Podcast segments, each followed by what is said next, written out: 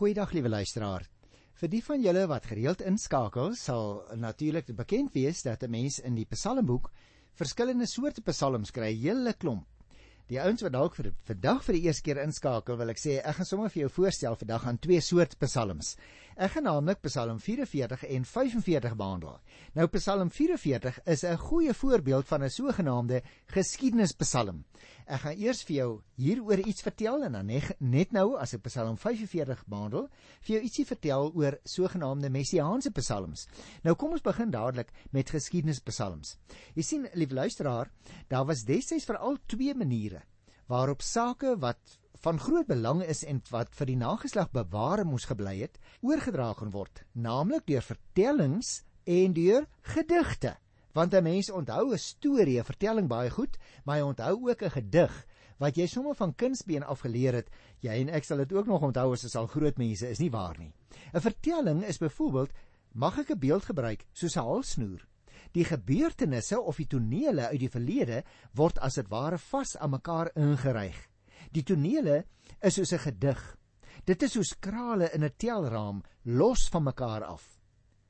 Liewe luisteraar, die verhale van die Ou Testament draai natuurlik veral rondom die ontstaansgeskiedenis van Israel as volk, waarin die belangrikste temas dan handel oor byvoorbeeld die uittog, die woestyntog, die verbondsluiting en die vestiging in die beloofde land. En hierdie vertellinge vind ons hoofsaaklik in boeke soos Eksodus, Deuteronomium, Joshua, Rigters, die boeke Samuel en Konings en ook Kronieke en selfs in die boeke Esdra en Nehemia. Die skrywers vertel ook van die sondes van Israel sonder om doekies om te draai. Nou in die geskiedenispsalms vind ons hierdie twee maniere van oorlewering in 'n sekere sin verenig. Jy sien die psalmdigters is nie volwaardige geskiedskrywers nie, maar hulle gebruik wel historiese temas.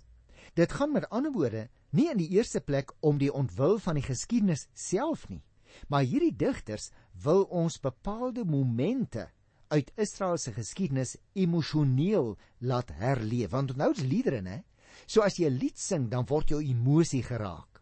Hulle bedoeling is dus om vir Israel en vir jou en vir my te onderrig oor God se wonderwerke en om sodoende te verseker dat die nageslag hierdie ou verhale sal onthou en dat die ou verhale nie vergeet is geraak nie.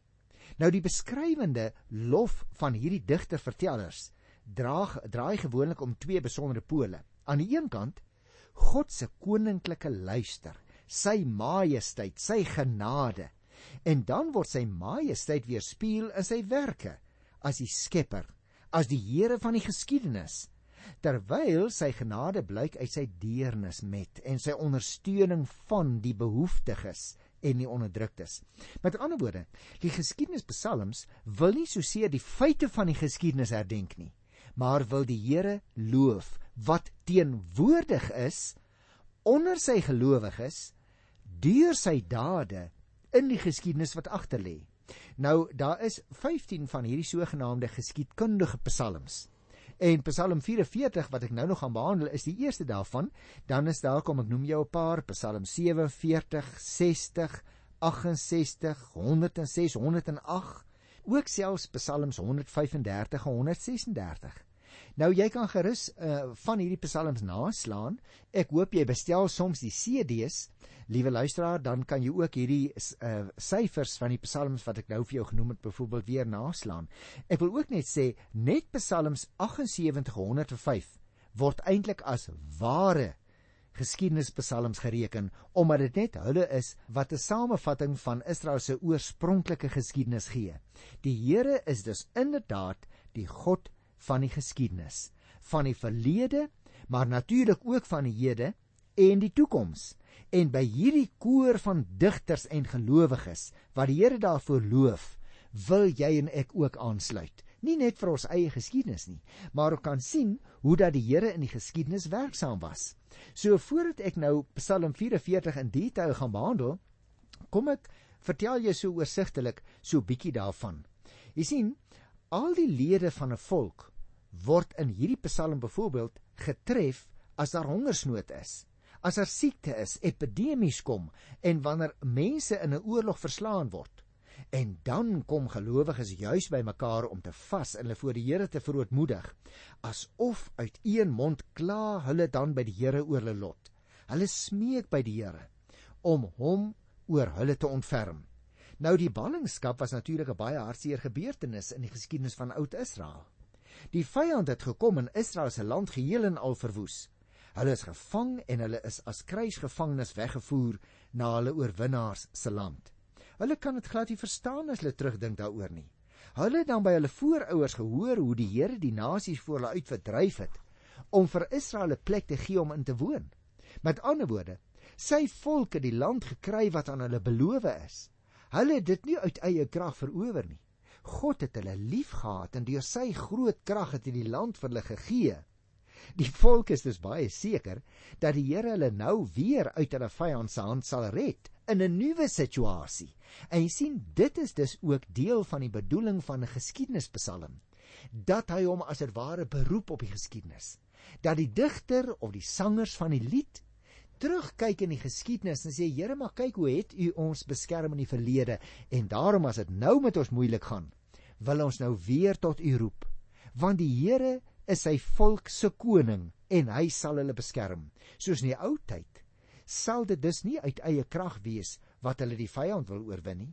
God self sal met sy groot krag die oorwinning gee. Dit is deel van die belydenis van hierdie sangers in Psalm 44. Hulle weet en hulle glo dit alles van harte. Maar dit maak dit juis dubbel so swaar vir hulle dat die vyand hulle ook nou oorrompel en na 'n vreemde land weggevoer het. God het hulle hierdie keer nie gehelp nie. Dit lyk of hy hulle uitgelewer het aan die vyand om hulle so slagskape dood te maak. God gee sy volk sommer net so weg, lyk dit vir hulle, en hy laat toe dat die vyand hulle land kom plunder. Die heel ergste vir die psalmdigter in Psalm 44 is dat die ander nasies vir hulle lag. Israel het altyd so gespog dat die Here hulle sal beskerm.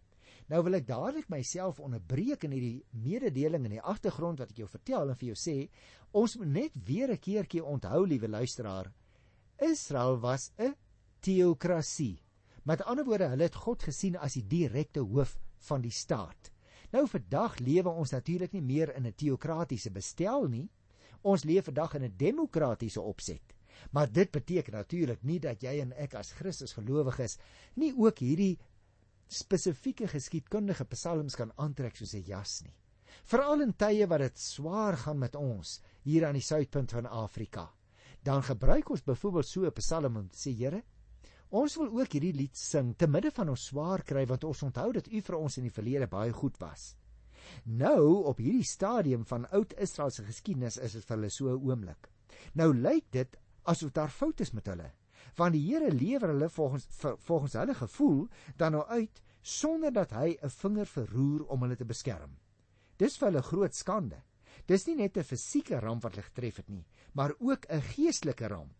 Die pyn wat hulle dus ervaar in hierdie moeilike omstandighede is dat dinge net nie met mekaar rym nie as hulle as gelowiges oor hulle situasie dink nie. Hulle is nou heeltemal verward. Hulle die Here mos nie vergeet nie. Hulle het getrou gebly aan sy verbond Hy sou mos dadelik geweet het as hulle nie getrou was nie en agter afgode aangeloop het. Nogtans het die Here hierdie ramp oor hulle laat kom. En dit is 'n baie eenvoudige vertrekpunt wat ons moet raak sien, liewe luisteraar. Wanneer dit met 'n gemeenskap of met 'n geloofsgemeenskap of selfs met 'n volk sleg gaan, dan moet ons nie dink die duiwel bring dit oor ons nie. Die Here kan dinge oor ons bring juis om ons tot orde te roep. En dis juis wat hulle so seer maak, dat dit die Here is wat hierdie dinge met hulle laat gebeur. Hulle staan vol vertroue voor die Here, maar dit voel vir hulle. Hy verkoop hulle uit aan ander volke en dis juis hulle pynlike dilemma. Nog erger in Psalm 44 is dat die Here daarmee voortgaan. Dit lyk of hy vir hulle altyd gaan ignoreer. Dit lyk of hy sy rug vir hulle gedraai het of hy aan die slaap geraak het oor hulle. Maar hulle het geen ander plek om heen te gaan nie, so sê in die Psalm. As die Here hulle nie help nie, kan niemand anders hulle help nie. Dis vir hulle so pynlik om met die een hand aan hulle geloof te bly vashou en die ander hand skande en skade oor hulle sien oorvloei. Die vraag is natuurlik nou vir ook vir jou vir my, hoe lewe jy en ek met 'n God wat jou oor en oor van sy liefde verseker in die Bybel, maar wat jou te gelykertyd soms in die maalkolk van twyfel en verwarring ingooi. Daarom is dit nie net 'n gebed om Israel uit sy ballingskap te red nie, hoor, maar 'n pleitrede by die Here om hom oor sy gelowige gemeenskap, met ander woorde oor sy kerk te ontferm in tye van swaar kry. Met ander woorde, liewe luisteraar, Psalm 44 as 'n goeie voorbeeld van 'n geskiedenispsalm vertel vir ons dat ons ook in moeilike omstandighede na die Here mag kom en hom mag vra om in hierdie moeilike situasie hom oor ons te ontferm. Kom ons lees 'n gedeelte daaruit. Ek lees die eerste 4 verse. Met ons eie ore het ons gehoor o God, ons vaders het dit ons vertel dat U in die ou dae, die grysse verlede, 'n groot daad gedoen het. U het die nasies met U eie hand verdryf, maar U volk 'n vaste woonplek gegee. U het nasies se mag verbreek om aan U volk vryheid te gee. Dit is nie net met die swaard dat U volk die land in besit geneem het nie. Nie deur hulle eie mag dat hulle die oorwinning behaal het nie, maar deur U mag en krag. U mag en u teenwoordigheid omdat u hulle liefgehad het. Dit is dus 'n baie belangrike ding wat hier gesê word, liewe luisteraar, dat die Here vir 'n mens in jou voorgeskiedenis help as groep. Maar hy wil jou ook bystaan in jou moeilike omstandighede. En daarom kry jy hierdie stukkie belydenis in vers 5 tot 9. U is my koning, o God. Gee tog aan Jakob se nageslag die oorwinning. Met u hulp sal ons ons teestanders verslaan. In u naam sal ons die oorwin wat teen ons opstaan. Jy sien dus luisteraar, hier is 'n baie interessante wenteling in hierdie verhaal wat eintlik die geskiedenis vertel. Dit vertel hoe dat die Here in die, in die verlede die Israeliete gehelp het en nou wanneer hulle swaar kry ook in die ballingskap, nou roep hulle weer tot die Here. Luister na die laaste gedeelte van Psalm 44. Ek lees van vers 24 af. Kom ons te hulp. Waarom slaap u, Here? Word tog wakker. Moet ons tog nie vir altyd verstoot nie. Die vraag kom nou by jou, by my op, liewe luisteraar. Slaap die Here dan? Soos wat ou Elia destyds vir die Israeliete gesê het: "Man, dalk slaap Baal. Kan die Here slaap?" Nee. Dit is 'n idiomatiese uitdrukking, liewe luisteraar, om die gevoel, om die emosie van die digter aan die Here oor te dra, want hy weet die Here slaap nie. Daarom het hy in die vorige verse die Here gevra om hom te help in hierdie moeilike omstandighede. Nou ek wil nou nie die hele tyd vasval op die geskiedenspsalm nie. Daarom wil ek dadelik na Psalm 45 toe gaan en weer 'n keertjie vir jou so 'n bietjie vertel van 'n heeltemal ander soort Psalm. Ons het nou gekyk so pas na Psalm 44, 'n geskiedkundige Psalm wat die geskiedenis vertel. En nou kom ons by met Psalm 45 by 'n sogenaamde messiaanse Psalm. Nou, liewe luisteraar, ek het al so hier en daar ietsie vir jou vertel van die messiaanse psalms, maar ek wil dan omdat ons by so 'n psalm is vandag, so 'n bietjie meer daarvan vertel. Want jy sien, toekomsprofeseë by Oud Israel handel nie net oor Israel se geskiedenis nie, maar soms ook oor die wêreldvolkere. Nou die messiaanse psalms oorheers die profetiese gedeeltes van die psalmboek. Psalm 41 byvoorbeeld, as ek nou ook ander mag noem, en Psalm 109, voorsê byvoorbeeld dat iemand in die toekoms verraai gaan word. En vir ons wat terugkyk op die geskiedenis, dink natuurlik dadelik aan die Here Jesus. Nou, as 'n mens nou die psalms wat dan getipeer word as messie Hanse Psalm so bietjie meer uitmekaar wil haal, wil ek vir jou eers voordat ek Psalm 45 behandel, nog meer daarvan vertel. Want dit is hierdie soort psalms wat dan in die verlede as messiaanse psalms getipeer is.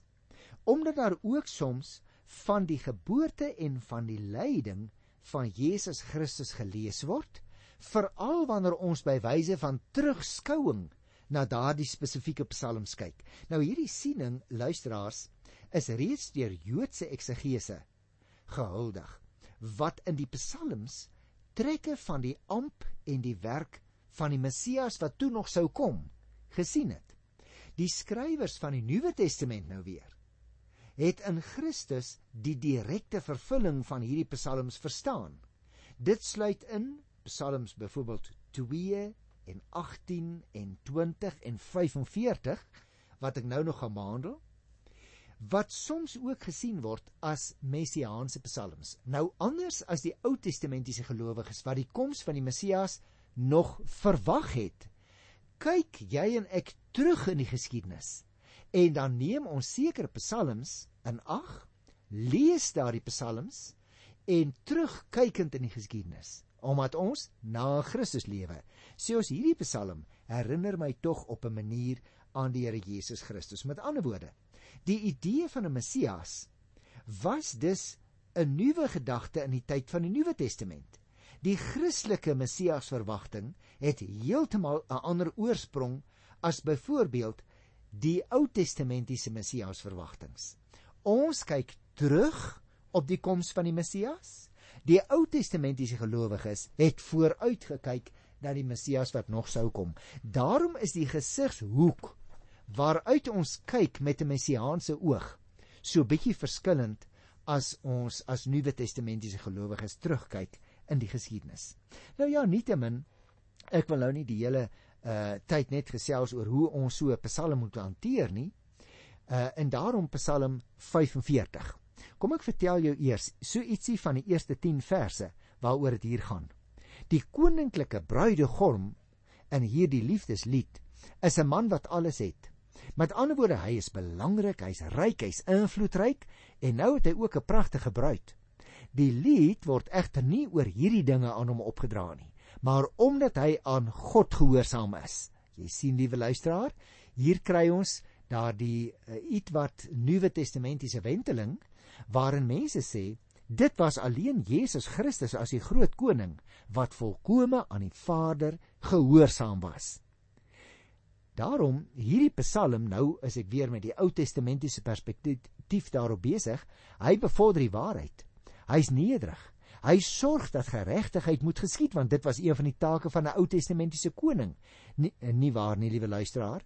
Mense wat dus regtig belangrik is, word nie aan hulle klere of posisies geken nie, ook nie in die Ou Testamentiese tyd nie, maar aan hulle getroue gehoorsaamheid aan die Allerhoogste Koning Ons word ook as Nuwe Testamentiese gelowiges daartoe opgeroep om 'n heilige nasie, 'n volk van priesters te wees. En ons vervul daardie roeping as ons aan die Here wat alles aan ons gegee het, die eer wat hom toekom, teruggee.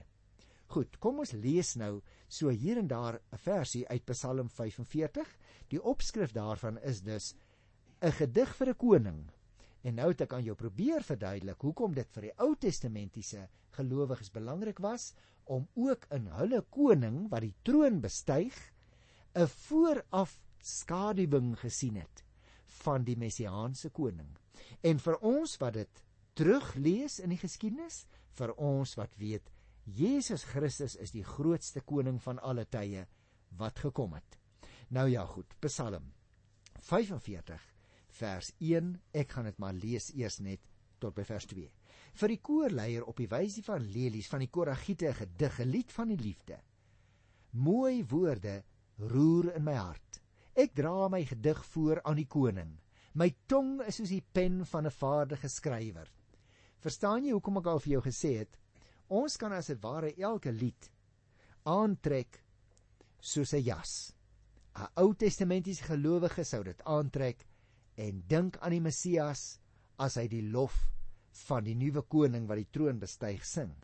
Jy en ek trek dit aan soos 'n jas. Ons maak dit die woorde van ons hart wanneer ons aan Jesus Christus dink wat ons enigste koning is. Nou luister hoe vertel die digter die Ou Testament ook so bietjie van die geskiedenis wat deurkom. Kyk hier by vers Want hiervandaan kry ons weer so 'n klein stukkie oorsig tot by vers 16. Jy sien in die Ou Testament het 'n huwelik natuurlik 'n belangrike plek ingeneem, want dit was die beeld van die verhouding tussen God en sy volk. Ons kry dit ook in die boek Hosea. Die koning se huwelik was dus ewe betekenisvol, want in sy huwelik moet God se belofte aan Dawid, 2 Samuel 7, elke keer weer vervul word. Die koning is die bruidegom, ook hier in vers 9. Die prinsesse as die strooi meisies en die bruid is die toekomstige koningin en hulle staan gereed vir die groot vreugdefees in die paleis daarbo. Jy kan ons verstaan dat ook in die tyd van die Nuwe Testament alreeds hierdie Psalm 45 dus die klank gekry het van 'n messiaanse lied. Met ander woorde, hulle het gesê Jesus Christus is die groot koning, die groot bruidegom. Die bruidskerk is eintlik die bruid van die Here, van die Here Jesus Christus. En daarom het van vroeg af Psalm 45 ook in die uh, kerk gegeld as 'n sogenaamde messiaanse of 'n bruilofslied wat 'n mens kan sing op die grootheid van die Here Jesus Christus. Maar ons moet altyd onthou, liewe luisteraar, ek het dit al van tevore gesê. Elke skrifgedeelte, Ou Testament of Nuwe Testament, het altyd 'n eerste trefpunt. Met ander woorde, 'n eerste gehoor. Daarom was die eerste trefpunt ook van 'n messiaanse psalm soos Psalm 45 die tyd waarin dit ontstaan het. Daarom verstaan 'n mens net dit soveel beter as jy nou teen daardie agtergrond byvoorbeeld vers 17 en 18 lees. Luister. Mag u seun sê om u geslag voor te sit dat u hulle kan aanstel as regerders in die hele land. Nou duidelik is dit 'n Psalm waarvan die toepassing in die Ou Testamentiese historiese situasie moet plaasvind. Dit sluit af met 'n seënbede vir die koning. En daarom sommige uitleggers meen dat die koningin 'n beeld is van die kerk, die bruid van Christus wat wonderlik geseën word. Maar dit sal 'n tweede trefpunt wees, want die eerste trefpunt is die situasie van die oud Israelitiese koning. Kom ek lees vers 18 en dan gesels ons ook daaroor mag deur my lied die roem van u naam oor geslagte strek sodat volke u vir altyd sal prys. Die huwelik natuurlik luisteraar is 'n saak tussen twee mense, maar ander kan natuurlik ook vir hulle bid. En dit doen die digter hier. Hy vra vir seuns sodat hulle in diens van God se belofte aan Dawid kan staan en dat hulle die land ordelik kan help regeer. Hy vra dan ook dat die roem van die koning as leier van God se volk wyd en lank bekend sal wees. Sy gebed strek dus verder as aardse nasionalisme en dit is 'n belangrike perspektief want daarmee word vooruitgegryp na wat die Ou Testamentiese gelowige geken het die beloftes aan Dawid wat ons kry in 2 Samuel 7 waarna ek net nou verwys het en baie spesifiek as jy wil naslaan by vers 16 Die koning met ander woorde van God se volk verteenwoordig God hier op aarde. Dit gaan om God se saak en om God se eer deur die koning as gesalfde uitgedra moet word. Nou wat is die Nuwe Testamentiese aspek daaraan? Net soos Jesus die gesalfde die eer van God en al sy wonder na die aarde toe gebring het toe hy sy bruid kom haal het gaan kyk maar weer die hele gedagte van die bruid in die bruidskerk in Matteus 9 van die 15de vers af. So liewe luisteraar, vorm jy en ek ten spyte van al ons foute, vorm ons deel van die bruidskerk van die Here Jesus in die wêreld. En elke keer as ons so 'n Psalm lees soos hierdie, dan word jy en ek opgeroep om te lewe as deel van die bruidskerk van die Here wat net een koning in hierdie wêreld erken, naamlik Jesus Christus wat dan nie oor 'n volk van nasionale sin regeer nie. Met ander woorde, hy re reageer nie oor die Zulus of die Afrikaners of die Engelse of die Dene alleen nie. Die Here Jesus Christus regeer oor alle gelowiges uit alle volke soos die Zulus en die Afrikaners en die Dene en die Engelse. Ons almal saam aanbid die Christus koning Jesus Christus wat gekom het uit Nasaret. En ons as die nuwe volk van die Here is dus die mense wat in eerste plek staan onder sy gesag elke dag. Ek groet jou in die naam van die wonderlike koning Jesus Christus die Here. Tot volgende keer. Totsiens.